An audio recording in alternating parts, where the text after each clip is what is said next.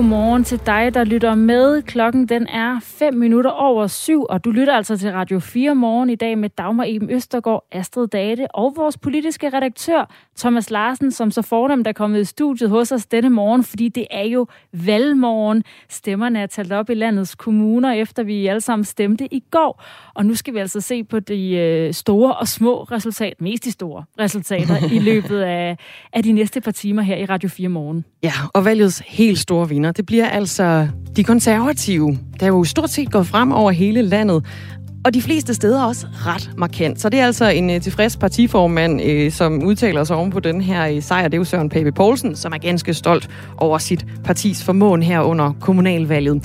Vi går i dybden med de konservatives kanonvalg her i morgens løb og runder dem også lige om ikke så forfærdeligt længe. Men allerførst så skal vi lige vende et par af de andre store linjer efter valget. Ja, fordi endnu en gang, så blev det jo nemlig Socialdemokratiet, der ender med at være landets største parti i kommunerne. Men det er dog med nogle øh, vælgerlusinger, især i de store byer. Sammenlagt så fik partiet mere end... Øh, de fik 28,5 procent af stemmerne, og det er altså en betydelig tilbagegang på 3,9 procentpoint i forhold til ved seneste valg i 2017. Og det er altså især i landets største parti, øh, byer, at partiet det går tilbage. Øh, generelt med 10 procent point i øh, København, Aalborg, Odense og Aarhus, hvis man lige skal skære det over en kamp. Alligevel så er det en tilfreds øh, statsminister, der altså talt med TV2 i aftes. Vi ligger, vi ligger rigtig godt til. Vi ser ud til, at vi bliver det største øh, parti. Øh, så altså, vi, vi, er, vi er glade. Ja, de blev altså også øh, det største parti. Thomas Larsen, politisk redaktør her på Radio 4. Men er det et godt valg for Socialdemokratiet? Nej, det er ikke et spor godt valg for Socialdemokratiet, og jeg tror heller ikke på, at øh, Mette Frederiksen og hendes partifælder er glade. Det tror jeg er noget, man siger til ære for, for medierne ovenpå et i virkeligheden meget, meget skuffende øh, valg. Fordi man skal lægge mærke til to ting i virkeligheden. For det første, så går partiet regulært tilbage. Altså, det er en øretæve i, i sig selv. Det andet, man skal have med i ligningen her, det er jo, at Socialdemokratiet indtil for ganske nylig stod bumstærkt i meningsmålingerne, og det var også øh, samtidig i meningsmålingerne, vi kunne se, hvordan øh, Mette Frederiksen jo altså øh, stod som en meget stærk motor, en trækkraft øh, for sit parti. Og så vil jeg sige, det var lige præcis indtil Ming-sagen eksploderede op i ansigtet på hende, og pludselig altså gjorde, at hele Socialdemokratiets valgkamp blev torpederet. Vi vender tilbage til Socialdemokratiet med dig senere her i den her næste halve time. Thomas Larsen, altså politisk redaktør, der knytter kommentar på valgets resultater her til morgen. Ja, det er godt nok ikke mange måneder siden, at vi ville sige om Socialdemokratiet, at de var uovervindelige, og nu står vi altså med en tilbagegang oven på øh, kommunalvalget. Der er nogle andre, hvor vi havde regnet lidt med en tilbagegang, det er nemlig Venstre, og den er så ikke blevet så stor, som nogen måske havde frygtet. Venstre, de er blevet det næststørste parti med 21,2 procent af stemmerne. De går altså tilbage med lige omkring 1% i forhold til valget i 2017. Den største tilbagegang, den er der dog nogle eksempler på, blandt andet øh, i Tønder, hvor de går næsten 30% point tilbage, og i Solrød, hvor de går 17% point tilbage, og hvor øh, Venstreborgmester Niels Hørup er færdig efter 15 år. I stedet for så har Jonas Ring Madsen fra Socialdemokratiet taget den post. Ja, og øh, det i forvejen kriseramte Dansk Folkeparti, de får altså valgets største tilbagegang. De er blevet halveret i forhold til det seneste valg. Dansk Folkeparti får i den her omgang 4,1 procent af stemmerne mod 8,7 procent ved øh, seneste valg. Nej, 8,8 procent ved sidste valg. Dansk Folkeparti øh, har altså simpelthen sablet deres øh, mandater rundt omkring i kommunerne med intet mindre end 60 procent ved det her valg, sammenlignet med, med det seneste valg. DF, de er måske blevet slået af nye borgerlige. De er nemlig kommet relativt stærkt ud af valget. I hvert fald der ses der en betydelig vækst hos Nye Borgerlige, der har fået et øh, kommunalpolitisk gennembrud med 64 mandater på landsplan. De er altså gået fra 1 i Hillerød til 64. Øh, den, øh, ja, den sidste, det var selvfølgelig i 2017 ved sidste valg. Og øh, nogle af de her store linjer, dem dykker vi altså ned i i løbet af den her morgen, og øh, skal snakke med nogle af kandidaterne, skal snakke med dig, Thomas Larsen, og høre, hvad det har af betydning, også landspolitisk. Det her det er Radio 4 Morgen. Du lytter til med Astrid Date og Dagmar Eben Østergaard. Thomas Larsen er med som politisk redaktør, altså kommentator og analytiker her til morgen. Klokken den er 10 minutter over syv. Godmorgen. Jeg står tilbage med stolthed. Hvis jeg ikke stod tilbage med stolthed over det, det bedste resultat i 36 år, så er det et skarn. Jeg er partiformand for hele landet, øh, og øh, jeg synes, at vi får nogle meget, meget flotte resultater rundt omkring. Ja, den stolte formand, det er selvfølgelig konservativs formand Søren Pape Poulsen, der sagde det her for få timer siden. Partiet det ser nemlig ud til at få sit bedste valg. Det er næsten en fordobling af deres stemmeantal, de har fået i år i forhold til ved sidste valg i 2017. Det er indtil videre ikke afgjort alle steder, hvor mange borgmesterposter partiet løber med, men et af de steder, vi med sikkerhed ved, at den næste borgmester er konservativ, det er i vejen. Og det er dig, Frank Smidt Hansen. Godmorgen. Godmorgen. Du er simpelthen en af de første konservative borgmestre, der er valgt vest for Storebælt. Det har lidt været en øh, kæphest for partiet. Hvad betyder det for dig? Jamen, isoleret, det betyder ikke så meget for mig, om jeg er den første vest for Storebælt. Men jeg er rigtig glad for, at det lykkedes. Og øh, jeg glæder mig til at trække i arbejdstøjet. Det har jo været en øh, dramatisk aften for mange, også dig, fordi øh, du kom kun på plads med en konstituering med mandater fra Socialdemokratiet. Hvordan gik det til? Jamen i hele valgkampen, der har de tre store partier, Venstre, Socialdemokraterne og Konservative, sagt, at vi vil det brede samarbejde. Og det er stadigvæk mit mål at lave et bredt samarbejde i Vejen Kommune. Socialdemokraterne vælger på valgaften at anerkende, at konservative står som, som øh, valgets sejr her, hvis man bruger det udtryk. Vi går over 2.000 stemmer frem, går fra 4 til 6 mandater, og øh, det kvitterer øh, Socialdemokraterne og Jørgen Tørsen øh, for i, i går aftes. Ja, fordi I er jo ikke øh, det største parti i vejen, altså konservative. Venstre, de har nemlig ni mandater, og Socialdemokratiet har otte mandater, og du vil selvfølgelig gerne øh, sikre det store arbejde, siger du, eller samarbejde, siger du, men, men hvordan vil du sikre, at det også bliver med jeres politik? Ja, men mange kommuner har været kendt for igennem de sidste otte år, at vi har lavet øh, budgetforlig otte år i streg. Vi har lavet gode, brede aftaler, og det øh, har jeg en intention om, at vi stadigvæk skal fortsætte med. Vi rækker hånden frem til dem, der vil være med til et samarbejde, og det håber vi på, at så mange som overhovedet muligt vil. Og hvad er så dit første punkt på to-do-listen, nu du er blevet borgmester, Frank Schmidt Hansen? Ja, nu er jeg jo ikke tiltrådt endnu, men, men uh, i dag skal vi have kontrolleret uh, vores uh, stemmer, tvivlsomme stemmer, og uh, så inviterer vi til et uh, møde umiddelbart herefter, hvor vi skal se, om vi kan få gjort uh, konstitueringsaftalen færdig og få fordelt nogle pladser. Jeg tænkte sådan lidt mere visionært, når du øh, sidder Nå. med den politiske magt. Okay. Jamen, noget af det allerførste, jeg vil gøre, det er simpelthen øh, inden for de første tre måneder at besøge samtlige, øh, øh, samtlige af vores øh, øh, lokationer i Vejen Kommune. Jeg vil ud og se dem alle sammen. Jeg vil ud og snakke med folkene. Øh, det vil jeg bruge rigtig meget tid på. Jeg vil fortsætte mit store øh, arbejde med at øh, have en tæt dialog med vores virksomheder, og specielt i den kommende tid med vores landbrug. Vi står for en stor øh, klimaaftale, vi skal have landet, og øh, der kommer vi ikke udenom, at vi skal have et tæt øh, samarbejde med, med landbruget. Så hvis du er borger i Vejen Kommune, så kan du altså måske se frem til et øh, besøg af den kommende konservative borgmester Frank Schmidt Hansen. Indtil da så øh, tak, fordi du var med her til morgen. Velkommen. Og tillykke med titlen. Tak for det. Konservative har jo fået et øh, rigtig, rigtig flot valg, så øh, derfor så er det altså også helt naturligt en øh, rigtig glad formand, der sidder på Christiansborg. Det er jo Søren Pape Poulsen. Ja, allerførst, så har vi, øh, ser det ud til lige nu, fået det bedste kommunalvalg i 36 år. Vi er gået frem i 84 kommuner.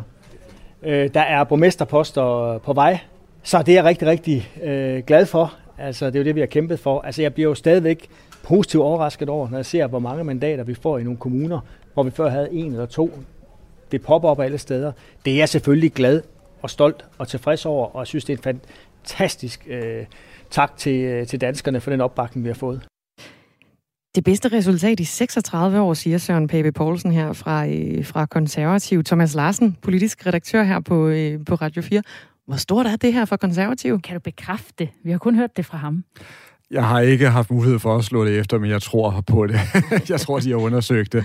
Og det er selvfølgelig en, øh, en, en lykkelig øh, Søren Pape, som vi netop har, har hørt øh, på her. Altså, det er en, en kæmpe sejr for ham. Det er virkelig en sejr på to planer, fordi det repræsenterer et, et kæmpe comeback for Søren Pape Poulsen selv. Det er måske meget godt lige at minde om på den her morgen, fordi vi skal ikke så forfærdeligt langt tilbage for at se en meget usikker, uprøvet partiformand, der kom til Christiansborg. Han var ikke engang valgt ind i Folketinget på det øh, tidspunkt, og som virkelig øh, havde det svært. Så det her det er også udtryk for et langt, sejt forløb, hvor øh, Søren Pape Poulsen altså skridt for skridt har arbejdet sig øh, tilbage, og altså nu står som, øh, som sejrs her, og også har fået et rigtig godt rygstød frem mod næste folketingsvalg, hvor jeg tror, han har ret gode muligheder for at ende som blå statsministerkandidat. Så det er jo altså øh, stort for ham, men det er jo altså også virkelig altså en, en meget stor øh, sejr for, for, for hele partiet. Altså de konservative har været igennem nogle store øh, op- og nedture, de har også været igennem med nogle, nogle, nogle svære år, og pludselig er det som om, at tingene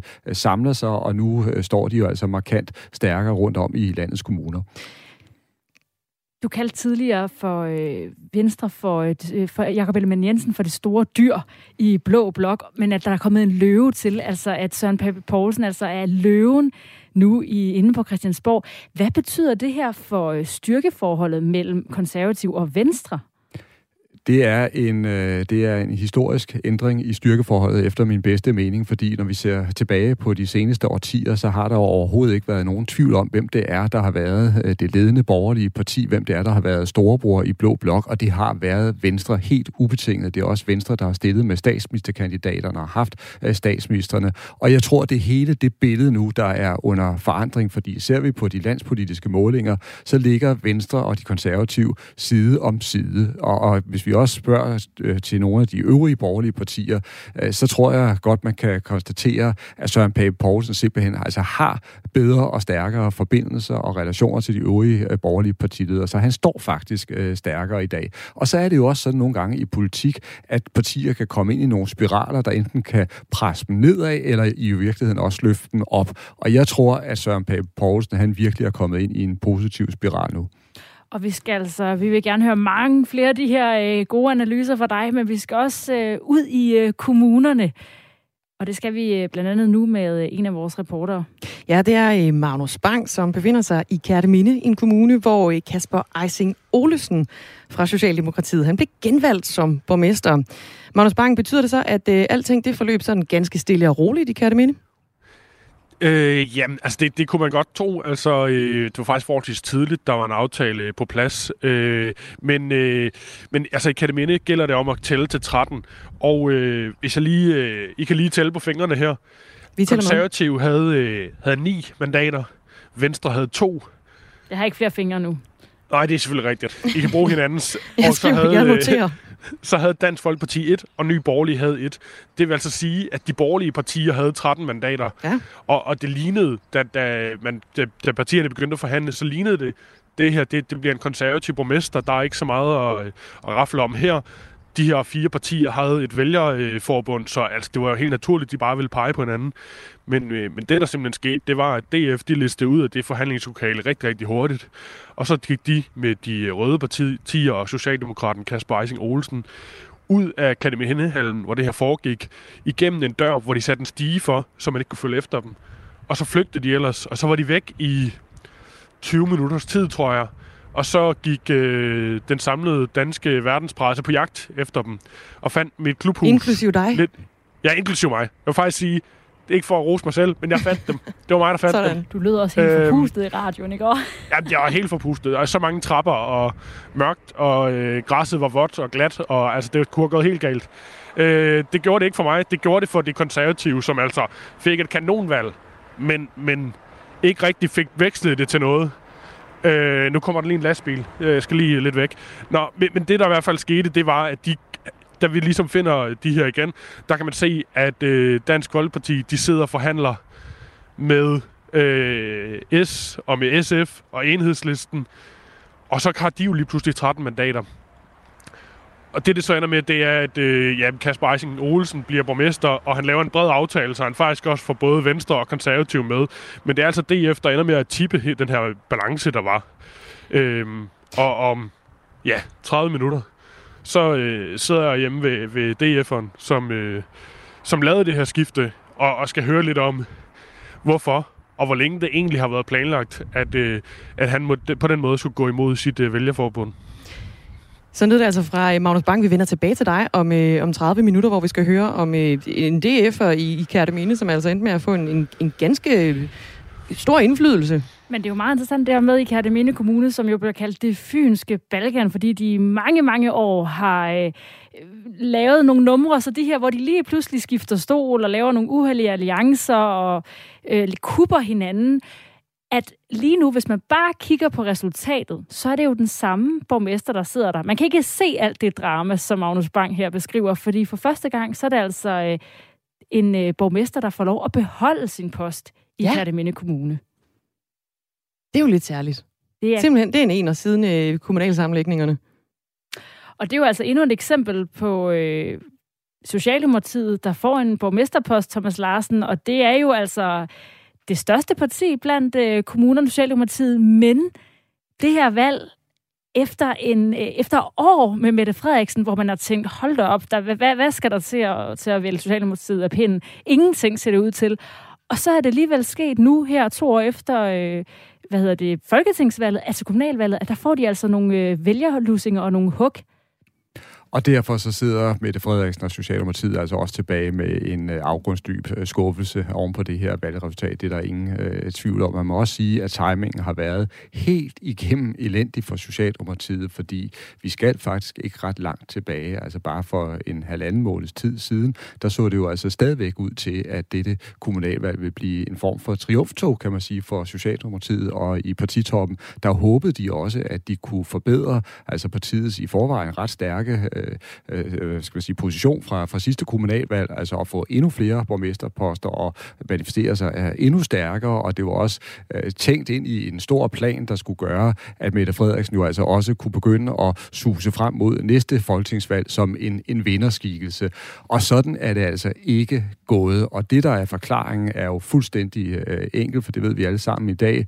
Øh, ud af, af, af det hele, kan man sige, så kom de her øh, slettede sms-beskeder og blev en kæmpe sag, der voksede og voksede og voksede, indtil at Mette Frederiksen jo også måtte lave altså et, øh, et pressemøde, øh, øh hvor øh, hele landet sad og så med, og øh, hun var i, øh, i dyb øh, politisk øh, krise. Og så har vi jo altså også haft hele kuglegravning af, af Mink-sagen, der er, også har været øh, sat gang i her øh, i de seneste øh, uger. Og alt det her, tror jeg, har skadet Socialdemokratiet øh, rigtig øh, meget, og det har betydet, at Mette Frederiksen, altså fra at være en stærk og kraftfuld motor for sit parti, i virkeligheden er gået hen og blevet en form for dødvægt her til sidst i valgkampagnen. Og vi skal altså høre mere om, hvad årsagen til det er. Nu nævner du Mink-sagen og de slettede sms'er, men der er måske også andre årsager. Det vender vi tilbage til Thomas Larsen, fordi øh, nu har vi altså øh, konservativs Mette Appelgaard med os, og hun har ikke mange minutter. Godmorgen, Mette Appelgaard. Nej, jeg har lige en øh, baby på armen, så ja. hvis I kan høre, øh, høre lyd i baggrunden, så er det bare den etårige, der, der lige siger godmorgen. Det er kun hyggeligt. Godmorgen til, til den etårige også. Ja. Mette Abelgaard, konservativ fik jo et, øh, et kanon godt kommunalvalg. Dit parti er gået øh, frem i flere kommuner, og i gennemsnit er der sket en stigning på 6,4 procent i, øh, i hele landet for, for konservativ. Flere borgmesterposter har partiet også fået. 11 borgmesterposter mm. indtil videre. Og blandt andet også to vest for Storebælt, som øh, formanden altså havde håbet på. Din formand, mhm. Søren Pape Poulsen. Det er Vejner Kolding, som... Øh, yeah. Så er der en, der er vågen. Vejner Kolding Kommune skal altså have konservative borgmestre med nu. Eller ja, have konservative øh, borgmestre. Øh, Mette Abelgaard, du er politisk ordfører for det her øh, parti, mm. som altså har øh, vind i sejlene lige pt. Hvor tilfreds er du med valget? Om det er klart, jeg er enormt stolt over den tillid, danskerne har vist os ved stemmeurnerne i går. Øh, det er jo en helt vild fremgang, vi får både procentvis, men også i forhold til... Ja, beklager, den, den lille er også begejstret. Hun, hun giver bare et lige udtryk for det. Hun er med. Både, øh, både i forhold til, til procentvis andel af stemmer, men bestemt også i forhold til borgmesterposter. Øh, og ikke mindst så har vi fået de her borgmesterposter meget bredt øh, rundt i landet, sågar en på Bornholm, som, øh, som jeg må indrømme, jeg personligt ikke lige havde set komme. Så det er jo en kæmpe tillidserklæring, og det er vigtigt for os at være et parti, der er repræsenteret i, i hele landet. Så vi er, vi er sindssygt glade og meget, meget stolte af den Bornholmske borgmesterpost, I nu har vundet. Er det, er det den største sejr, som du vil fremhæve det? Ej, jeg synes, der er mange, mange øh, meget store sejre. Altså, vi har fået en borgmesterpost i uh, Rudersdal Kommune i Gentofte. Ja, Gentofte, det er ikke så stor en overraskelse. I, i Dragør, i, i Vejen, i Kolding, alle mulige steder. Jeg har ikke selv været at sove i nat. Vi har kørt på hele natten med forhandlinger. Så, så man er ved at være lidt træt og, og ør i hovedet nu. Jeg tror, det er kulminationen af det hele, der gør, at vi er så glade og tilfredse med det her resultat.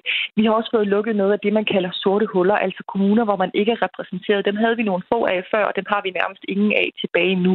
Det er også sådan noget, der betyder noget for, et som, som, for en som parti, at man ligesom er repræsenteret øh, i alle byråd øh, rundt omkring. Øh, så, så det er rigtig dejligt, og et fantastisk regionsrådsvalg. Vi bliver det største parti i Region Hovedstad. Ja. Det havde jeg aldrig turde drømme om. Mål på mandater, så det er også en, en kæmpe sejr. Der er også noget andet, vi lige skal huske at, at vende oven på, oven på alle jeres sejre, fordi der er jo Frederiksberg ja. Kommune også, ja. hvor I altså har siddet på borgmesterposten fra konservativ side i 112 år. Nu mm. er det slut. Michael Windfeldt fra Socialdemokratiet ja. bliver borgmester i, i Frederiksberg Kommune. Hvor stor en tårn i øjet er det på dig i dag? Jamen, det er klart, det er drønærveligt, øh, og det er vi rigtig ked af. Øh, jeg synes, vi havde en meget, meget dygtig borgmester på Frederiksberg, som jo også fik et godt resultat af vælgerne. Det skal man huske på. Øh, konservativ gik to mandater frem fra et i forvejen rigtig godt resultat på Frederiksberg. Jeg fik 40 procent af stemmerne. Ja, så vi blev på ingen måde straffet af vælgerne på Frederiksberg, tværtimod. Men vi kunne jo se, at de andre øh, borgerlige partier øh, havde et, et svært valg på Frederiksberg, og det er det, der gør, at marginalerne ender ud ikke til vores fordel den her gang. Det var jo få hundrede stemmer, der afgjorde det for fire år siden, og nu er det jo så også mindre end tusind stemmer, der afgør det, men bare til den modsatte side den her gang. Mm. Sådan et øh, flot valg her for, for konservativ. Hvordan kan du bruge det på, øh, på Christiansborg? Jamen, jeg kan jo ikke mindst bruge det i forhold til, at nu får vi en fantastisk masse ambassadører rundt i alle landets kommuner, som kan vise, hvad konservativ politik er i praksis, når man giver frit valg til de ældre og giver gode pasningsmuligheder til vores børn og udliciterer de opgaver, der nu engang kan og sætter, øh, sætter kommunens øh, opgaver i udbud osv. Øh, vi viser i, i praksis, hvad den konservative politik giver af, af god værdi for borgerne. Tak for det, Mette Abelgaard. Du har også en etårig, du skal holde øje med. jeg har lige bestukket hende med en finstang. Nå, det er vist uh, alle forældres uh, lod her klokken uh, tidligere om morgenen. Men God altså, strategi. jeg håber ikke, de sociale myndigheder lykker med. God dag til dig i hvert fald, Mette Abildgaard. Tak skal du have. Politisk ordfører for uh, konservativ. Og vi har altså også forsøgt uh, formanden for konservativ, jo Søren Pape Poulsen, men han havde altså ikke mulighed for at stille op til et interview her til morgen. Og hun siger, hun kan bruge øh, de her øh, borgmesterposter hos konservative som ambassadører for deres gode politik øh, som de jo har i partiet, som hun siger. Men øh, nu vi har der Thomas Larsen, politisk redaktør her på Radio 4 morgen, der er med os i studiet i dag. Hvad tror du, du hun kan bruge øh, sådan et her valg til på Christiansborg? De kan bruge det til at vise vælgerne, at de er et, på vej i, et parti i, i fremmarsch, altså et parti på vej frem. Og det er noget af det, som også kan gøre, at øh, Søren Pape Poulsen altså vil øh, nærme sig næste folketingsvalg, som jo lurer i horisonten et sted, altså ud fra en stærkt øh, styrket position. Og jeg ser det her som et tegn på, at han skridt for skridt er på vej til at manifestere sig som en kommende borgerlig statsministerkandidat. Og det er det, tror jeg, store landspolitiske perspektiv, der er i valgresultatet set med konservative øjne. Løven kommer altså. Dagmar, har du en øh, opdateret øh, borgmesterliste? Nu har vi jo fået ja, nogle, øh, nogle øh, flere øh, poster og navne på i løbet af den sidste mm. time, vi har stået her. Vi har øh, 84 kommuner forløbigt, der har fundet borgmesteren ud af jo de i alt 98. Der er stadig øh, 34 borgmestre, som kommer fra Venstre, 33 fra Socialdemokratiet. 11 er fra konservative.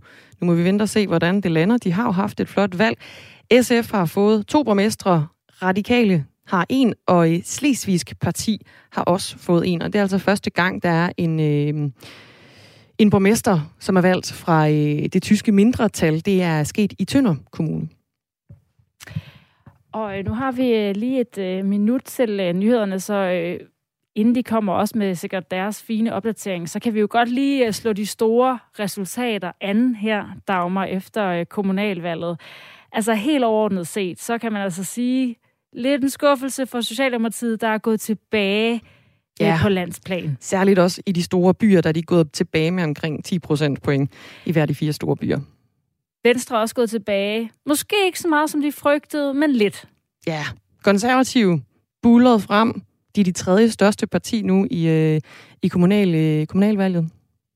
Og så er der altså DF, som virkelig har fået en... Øh, ikke bare en, en lussing med en flad hånd og næsten en uh, udradering. Ordentlig ørefin. En ordentlig ørefin her i... Uh, De har mistet 60 procent af deres mandater i, uh, i byrådene. Lige præcis. Og uh, hvad konsekvensen er det, det skal vi altså uh, også høre om uh, på den anden side af, det her nyhedsoverblik, for vi bliver selvfølgelig valget hele morgen. Nu er klokken halv otte.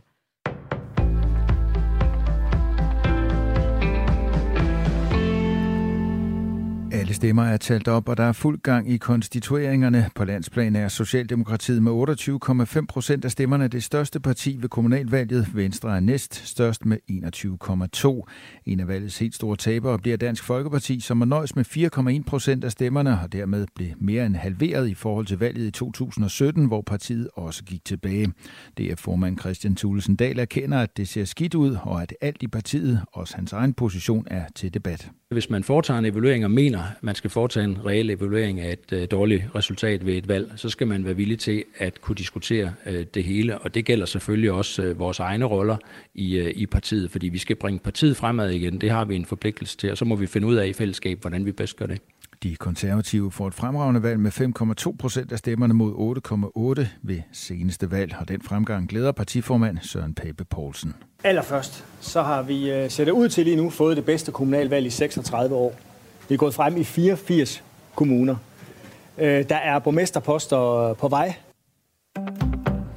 Efter lange forhandlinger genvinder Socialdemokratiet borgmesterposterne i landets tre største byer, København, Aarhus og Odense, og det sker også, selvom partiet går tilbage i alle tre kommuner.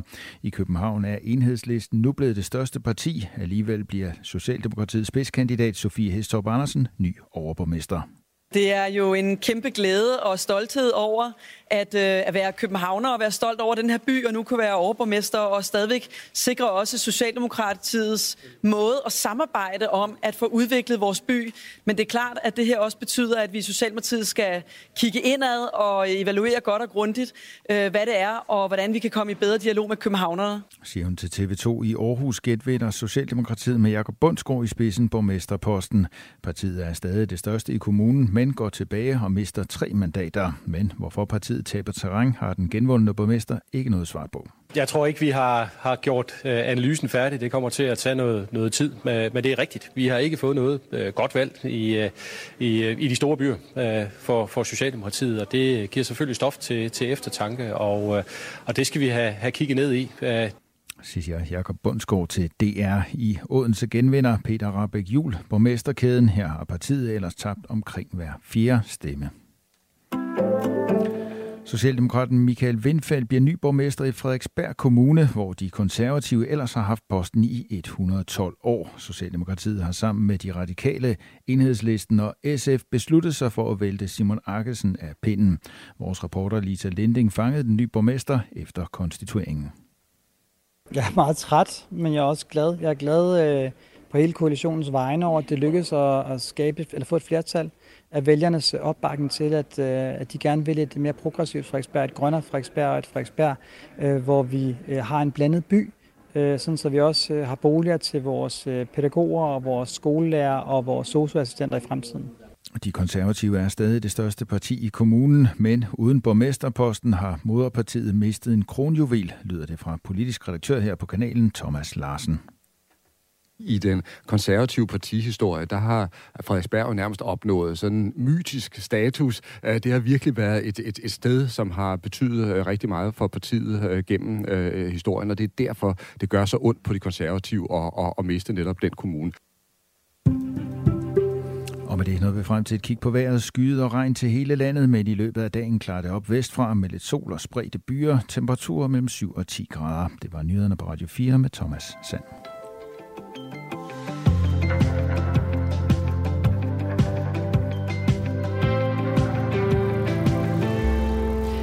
Vi tog lige gennemgangen øh, inden nyhederne med øh, Thomas Sand her på øh, Radio 4. Altså sådan lige de store linjer, hvordan er det gået? Socialdemokratiet er gået tilbage, konservative er gået markant frem, Venstre er gået en lille smule tilbage, DF, ej, det er den træls morgen at stå op til i dag, gætter jeg på for, øh, for DF. Vi nåede ikke omkring Nye Borgerlige. Nej, dem har vi, men dem skal vi til nu, fordi de har simpelthen fået også et sindssygt godt valg. Og også meget bedre, end de selv havde forventet. Ja, Nye Borgerlige, de er altså gået fra et mandat i hele Danmark i byrådene, by, byrådene øh, og kommunale bestyrelserne indtil videre til at få 64 mandater. Så et mandat ved sidste valg, 64 mandater ved det her kommunalvalg. Det er jo pænt over, hvad vi havde øh, sat af mål, og øh, jeg ved også, at vi derude har nogle folk, som, øh, ja, som er meget glade.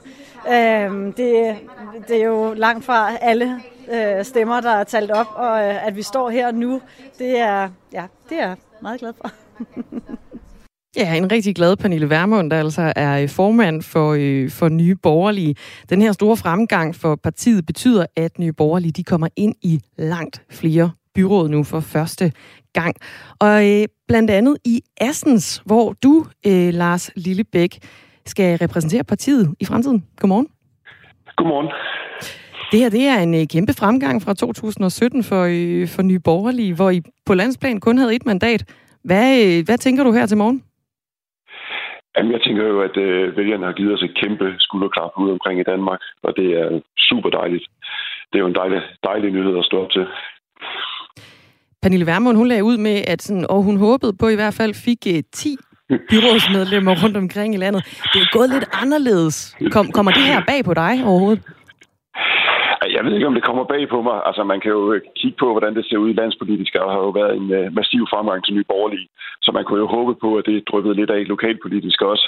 Så uh, altså, jeg tror, de 10 mandater var beskedensat, hvis vi kan sige det sådan. Så faktisk ikke den store overraskelse?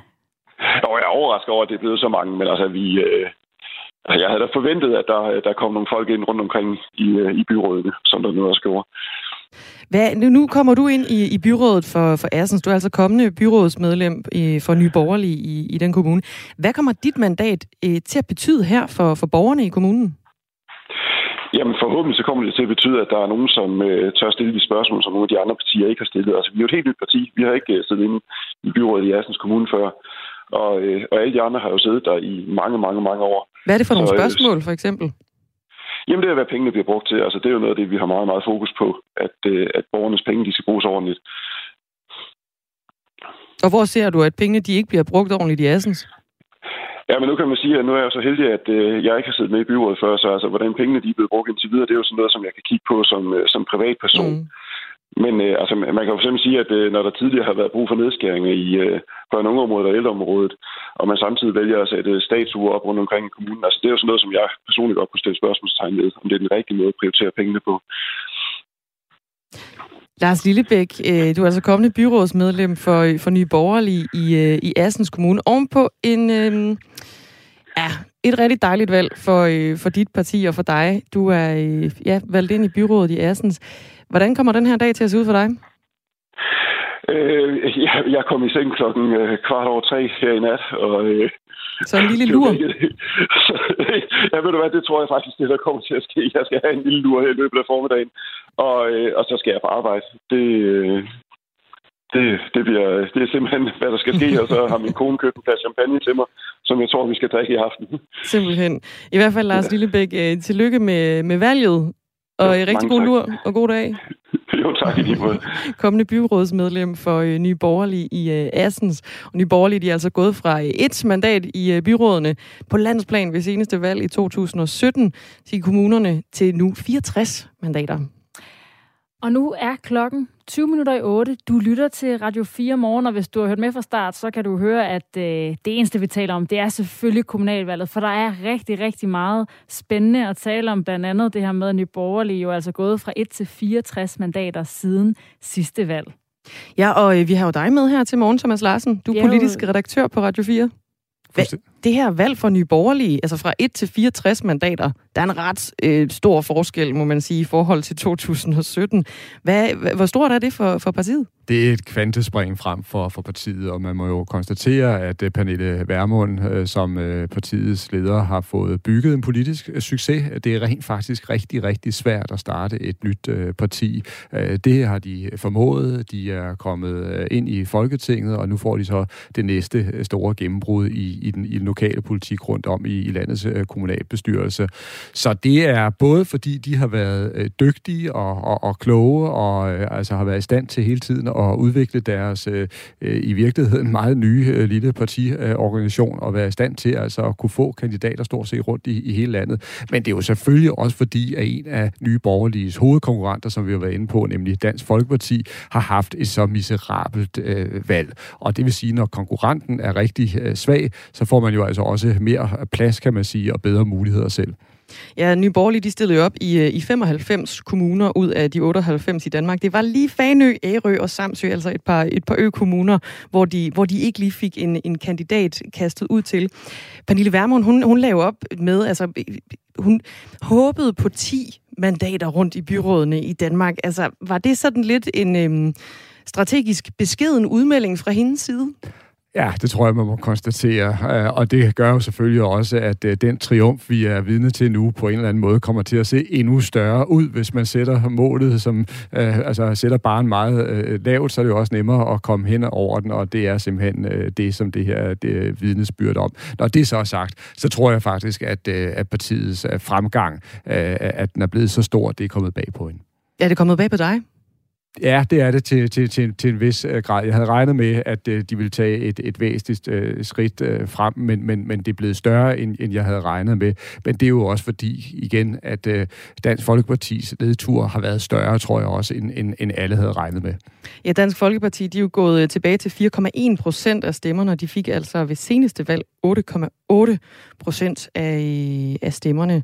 Øh, ja, og øh, Nye Borgerlige, de er gået frem Nye Borgerlige, de får øh, 3,6 procent af stemmerne. Det er på landsplan, det her, ikke? Og de er gået frem fra 0,1 procent tilbage i 2017. Så det er også, øh, ja, godt ja, hvis vi bare lige må, må dvæle ved det, altså også hvis vi skal se det i et, øh, et, et politisk perspektiv her dagen på, på der, dagen derpå, der er det jo dramatisk, at Dansk Folkeparti, der jo i årtier har været den helt store succeshistorie i, øh, i dansk øh, politik, og som jo ved valg efter valg øh, bragede frem, øh, nu er, er reduceret til den her øh, lille størrelse, som det, det, det er tilfældet. De har sat simpelthen alt over styr, og pludselig har de jo altså fået en konkurrent, kan man sige, til højre for sig, som nu er i gang med, med at, at gå frem på, på, også på Dansk Folkepartis bekostning.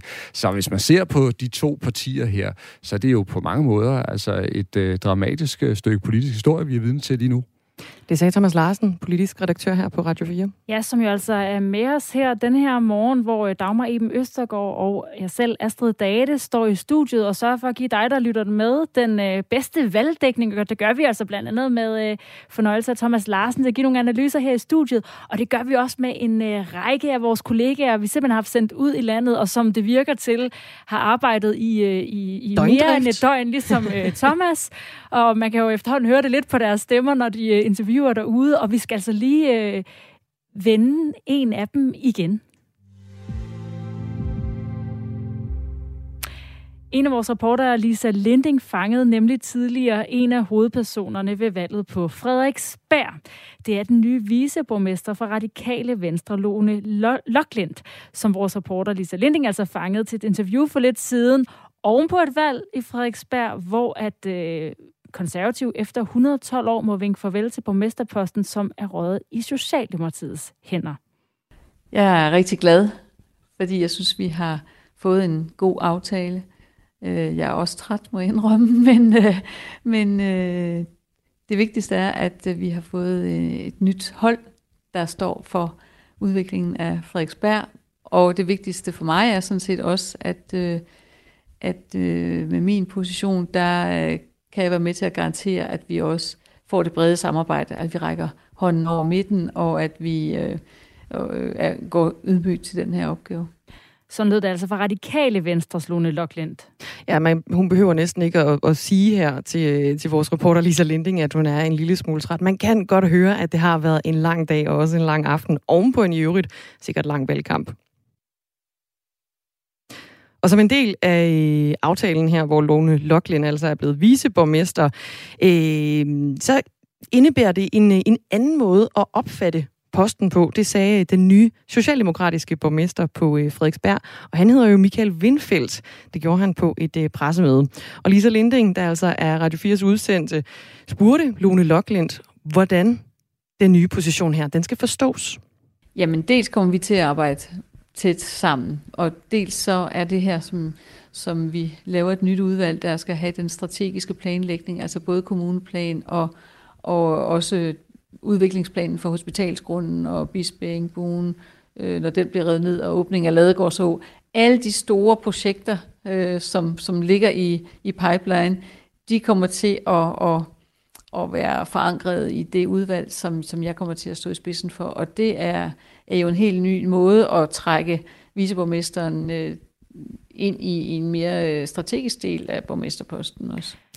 Vores reporter Lisa Lending mødte også den nye borgmester til et interview tidligere på morgen, og hun spurgte ham om, hvad det betyder for ham at blive den nye borgmester på Frederiksberg.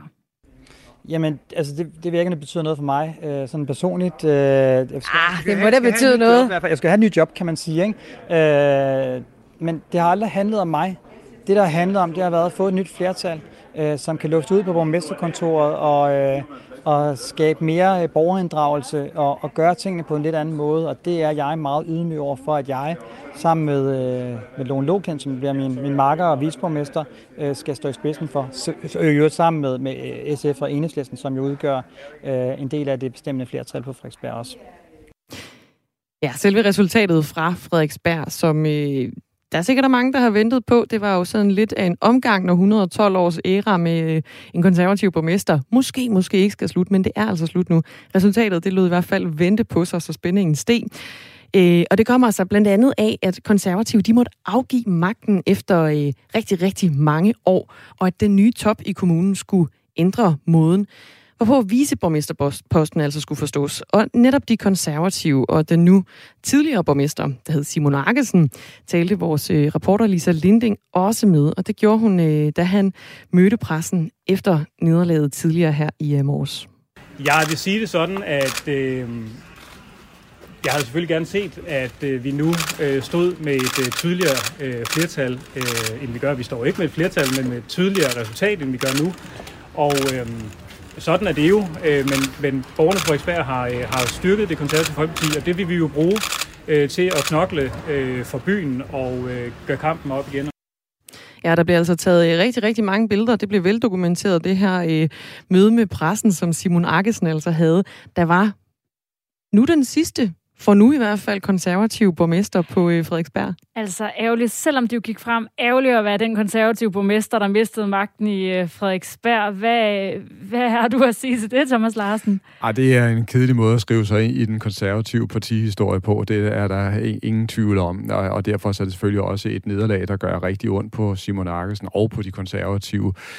Alligevel så tror jeg, at der også er altså en, øh, en vis stolthed i virkeligheden i partiet over, at de bed så godt fra sig, som de rent faktisk øh, gjorde. Og det er også værd at lægge mærke til her, at Simon Arkesen, der jo har været under massiv øh, kritik for nogle af de bolighandler, han har lavet, og som har været meget øh, lukrative, jo rent faktisk var i stand til altså at, at føre sit parti øh, lidt frem. Øh, det tror jeg ikke, der var nogen, der havde forestillet sig overhovedet, men noget af det, jeg tror, der har været effekten af den øh, store kritik, han er blevet mødt med i pressen, og i virkeligheden altså også øh, de seneste dages, øh, man kan sige næsten forfølgelse af ham, øh, hvor, hvor der er flere øh, fra forskellige medier, øh, der har insisteret på at komme i kontakt med ham og vil interviewe ham, og hvor han så nærmest har kørt rundt i byen for at slippe for dem.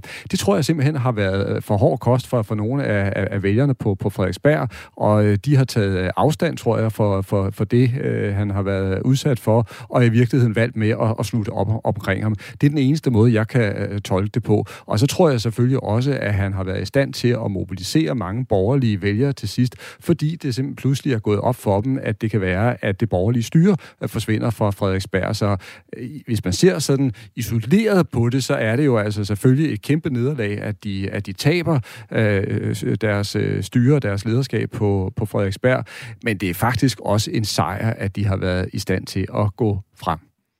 Ja, fordi de er gået frem med øh, 3 procentpoint siden sidste valg, og det svarer altså til to mandater i øh, Frederiksberg Kommune, men ikke nok til, at de kunne få borgmesterposten, og øh, det handler måske om, at øh, Venstre for eksempel er gået et halvt procentpoint ned. Den, der står tilbage i Frederiksberg Kommune som, øh, som, sejr, som sejrherre. Ja, som sejrherre, altså den, der altså får borgmesterposten, det er jo Socialdemokratiet. Og dem skal vi altså øh, til at vende nu med dig, Thomas Larsen. Ja, Socialdemokratiet, de er øh, gået tilbage på landsplan, og det er altså specielt i de store byer, det jo faktisk er, er gået ganske skidt. I København, der er de gået tilbage med 10,3 procent, i Aarhus er de gået tilbage med 9 procent, og i Odense er de gået tilbage med 10,4 procent, og i Aalborg er de gået tilbage med 11,8 procent. Det er altså de fire store byer i Danmark, hvor Socialdemokratiet sådan rundt regnet er gået tilbage med en tiende del. Ikke desto mindre, så beholder de altså borgmesterposterne i, øh, i alle de store byer, Thomas Larsen. Hvordan kan det være? Og det er jo simpelthen fordi partiets udgangspunkt, det var så bumstærkt, at øh, det sidste kommunalvalg jo øh, var en, øh, en øh, manifestation af, af partiets øh, styrke på, på det øh, tidspunkt, og det øh, lykkedes for Socialdemokratiet altså at fastholde grebet om, om de store øh, byer. Øh, og det er selvfølgelig også derfor, at øh, det gør ondt på dem nu, at de er gået så markant tilbage, som det rent faktisk er, er tilfældet. Altså i, i flere af de her byer, der er det jo nogle altså store rutsjeture øh, i nedadgående retning, som vi er, er vidne til. Og derfor er jeg også helt overbevist om, at øh, alarmklokkerne, de, øh, de bimler og bamler øh, i det socialdemokratiske øh, hovedkvarter, selvom man selvfølgelig udadtil prøver at lægge ansigtet i de rette øh, folder og, og prøver at tale øh, nederlaget øh, ned. Men det er altså virkelig en stor skuffelse, som vi er vidner til. Og jeg synes også, det er værd at bemærke, altså det er rundt omkring i, i de store øh, byer, også kæmpe nedgang i, i, i København, men det er det også i, i, i store dele af landet, og også på landet. Øh, jeg synes, det er interessant også at, øh, altså, at, at se, at nogle af de områder i landet, hvor man havde forudset, at Socialdemokratiet for alvor ville vinde terræn i den her omgang, og måske også udmanøvrere Venstre, altså i stor stil, det er simpelthen ikke lykkedes for partiet overhovedet. Ja, på landsplan, der er, er partiet jo gået tilbage med, med cirka 4 procent point i forhold til år 2017. Og det er meget. Og det er meget. Og i de store byer er de altså gået tilbage med noget, der ligner 10 procent i hver enkelt af de store danske byer. Og vi har fået en sms i den her forbindelse faktisk, jeg lige vil øh, læse op for dig. Det er en sygeplejerske, der skriver ind på sms'en 1424. Når I taler om det lavere stemmetal til S i de større byer, så husk, at der også ligger de store sygehuse, og sundhedspersonalet bor i området. Tror I ikke, at det her personale føler sig hørt af Socialdemokratiet? Er der en pointe i det? At det kan være årsagen til, at de måske er, har fået nogle hug i storbyerne? Jeg tror, der er en hel øh, stribe øh, årsager til det. Jeg vil stadigvæk pege på, at det var den her øh, sag om de forsvundne sms-beskeder, der pludselig øh, eksploderede i, i hovedet på Mette Frederiksen, og, og som på mange måder øh, torpederede hele den socialdemokratiske øh, valgkamp. Øh, det tror jeg er, er hovedårsagen. Øh, Men det er klart, altså det er en god pointe, som, øh, som øh, vores lytter er inde på her, fordi vi har jo også været igennem et øh, langt øh, forløb, øh, hvor øh, sygeplejerskerne øh, strækkede og ikke mødte forståelse på Christiansborg, og, og slet ikke fra øh, regeringens øh, side, øh, og føle sig altså, negligeret og, og tilsidesat. Og så tror jeg også, at det kom til at virke som en provokation netop på sygeplejerskerne, da Mette Frederiksen her for ganske få dage siden, da vi fik de her desværre, altså genopblusen af de kedelige coronatal, og da hun gik ud og appellerede til sygeplejerskerne om, at nu må de give den en ekstra skalle, nu må de være ansvarlige, nu må de hjælpe med, at uh, sundhedsvæsenet kom til at, at køre. Og der var der mange sygeplejersker, som helt tydeligt følte, at først var de blevet trådt på, og nu skulle de pludselig til at yde en ekstra indsats, og det reagerede de meget voldsomt på. Så jeg tror, der er mange, altså netop fra, øh, fra hele sygeplejerskegruppen, der ikke har stemt på Socialdemokratiet.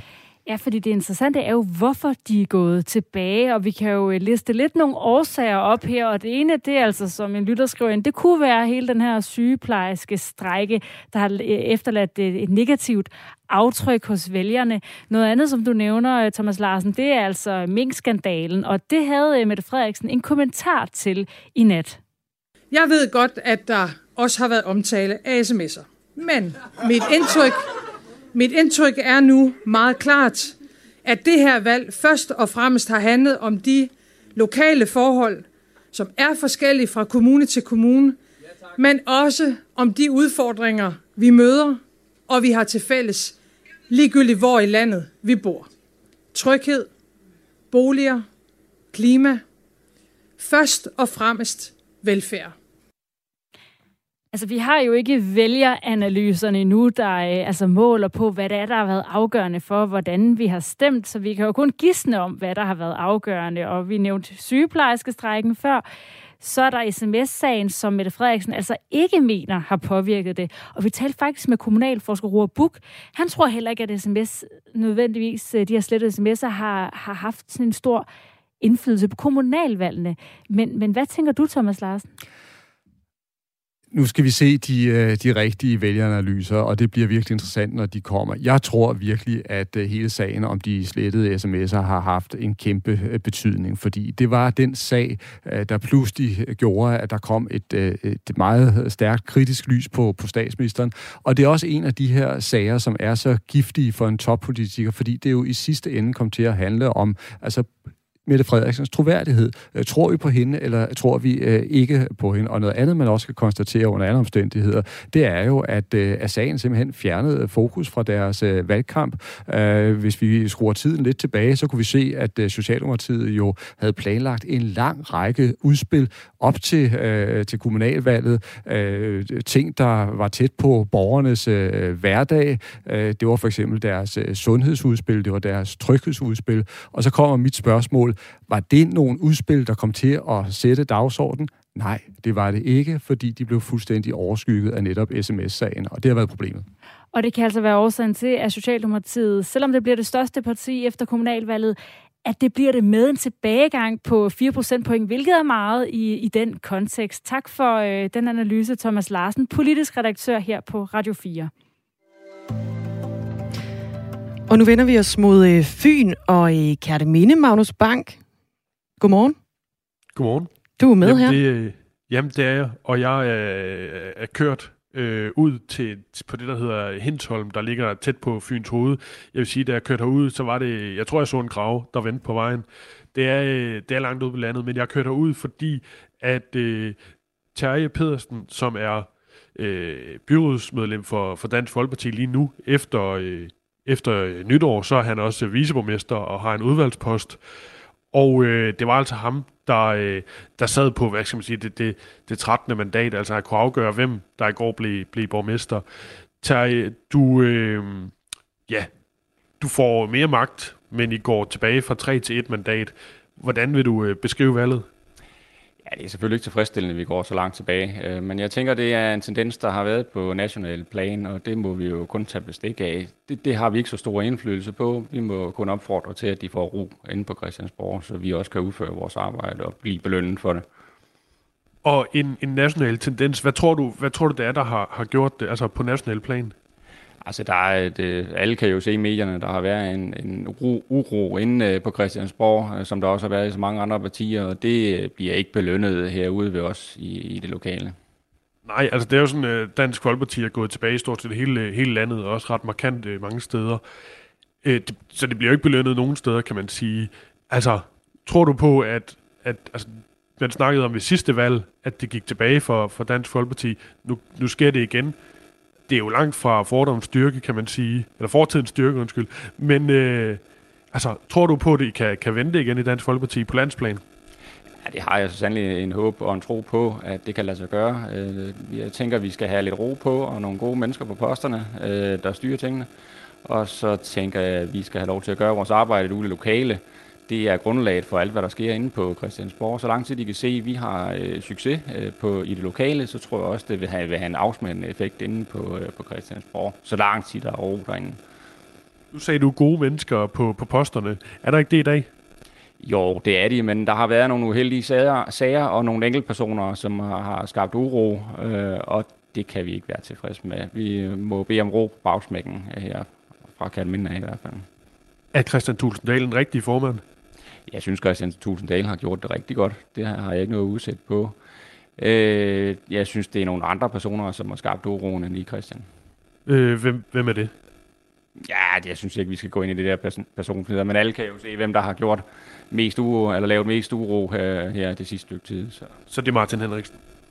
Det kunne være en af dem, ja. Du valgte jo at pege på, på S, i stedet for at gå med de borgerlige. Er det vejen frem også nationalt for, for DF? Ikke nødvendigvis. Øh, I lokalpolitik, der peger vi på de personer, som, øh, som er den bedste for kommunen. Det er det, vi kigger meget ind i fra Dansk Folkeparti's øh, side, at det, der er bedst for kommunen, det er det, vi går efter.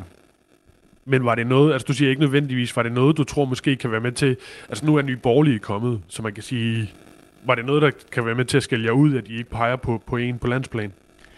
Nej, det synes jeg ikke. Der, vi har mange områder, hvor vi er enige med Socialdemokratiet. Øh, socialpolitikken og fordelingspolitikken osv. Og, Og der er vi jo langt fra enige med, med Nye Borgerlige, og det tror jeg ikke rigtigt, at folk har fået øjnene op for, hvilke øh, politikker de har. De har jo nogle politikker om, at der skal nedskæres rigtig meget. Tak skal du have, Tage Petersen. Sådan var det altså øh, ordene til vores reporter her på Radio 4, Magnus Bang. Du lytter til Radio 4 morgen, her til morgen med Astrid Date og Dagmar Eben Østergaard, og vi har jo stort fokus på kommunalvalget og regionsrådsvalget her til morgen, fordi det var i går, vi alle sammen satte vores kryds, og i dag der tigger resultaterne altså ind. Vi kommer altså med et lille overblik over, øh, hvordan resultaterne de ser ud efter et nyhedsoverblik, der kommer her klokken den er 8.